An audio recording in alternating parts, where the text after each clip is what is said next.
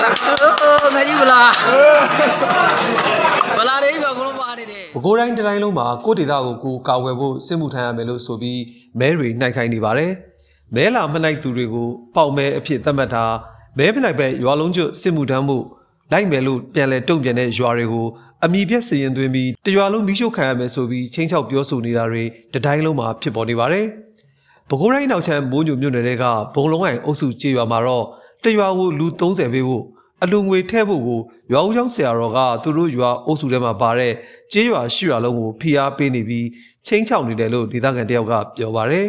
အနောက်ဆိုင်ကအုံးရတော်တော်အောလာနေ။ကြောင်ညောင်းပြီးတော့ပြည်သူတွေကိုအတင်းဝင်ခံတာဗျ။အုပ်ချုပ်မှုတွေလည်းသူတို့ကြောက်တယ်။မိုးညိုပါဆိုတော့ဒါဘုံလုံးဝိုင်ဘုံကြီးကြောင့်ပေါ့။အုပ်စုထဲမှာရှိတဲ့ရှိပါအုပ်စုပေါ့ဗျာ။အုပ်စုတွေကအဲဟောလူသုံးတယ်။ဘုံညာ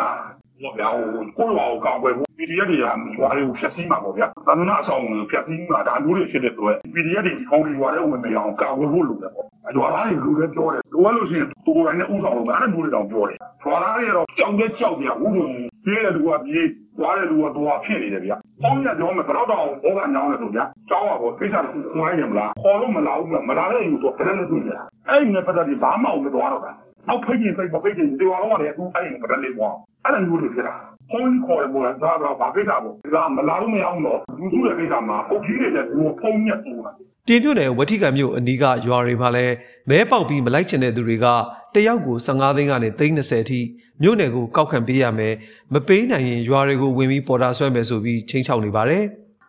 စစ်သားစုတောင်းရေးဖြူတော်ကြီးထွက်နေပြောပြီးတော့အတင်းအားရမအစည်းအဝေးမတက်မနေရဆိုဥက္ကဋ္ဌတွေက အတင်းခက်ကြမ်းကြမ်းလုပ်နေတယ်ရွာသားတွေကလည်းပဲအစည်းအဝေးခေါ်လိုက်တဲ့အခါမှာအစည်းအဝေးတော့အကုန်လုံးသွားတက်ကြတယ်တက်ပြီးတော့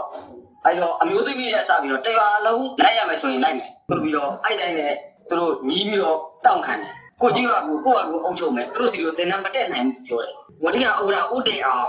အဲ့တော့မြို့ဘောကကွင်းကြီးအုပ်စုကိုဟောပါအ ကုန်လုံးကိုမဲနိုင်ခိုင်းတယ်အခုမဲတွေပေါက်သွားကြတယ်မဲပေါက်တဲ့လူတွေကနေမလိုက်ဘူးဆိုတဲ့သူကိုတယောက်ကို15သိန်း30တောင်းတယ်အဲ့ဒါကလူငှထည့်ရမယ်ကျွန်တော်တို့မြို့နယ်ကိုတွင်းရမှာလို့ပြောတယ်။ပဲခူးတိုင်းရှိဘက်ဖြူးမြို့နယ်မင်းငံယူကျေးရွာအုပ်စုမှာလည်းရွာ9ရွာမှာရွာ2ရွာမဲနိုင်ပြီးသွားပါပြီ။သူတို့ဘက်မှာတော့မလိုက်ချင်လို့ငွေကြေးပေးတာလက်မခံပဲ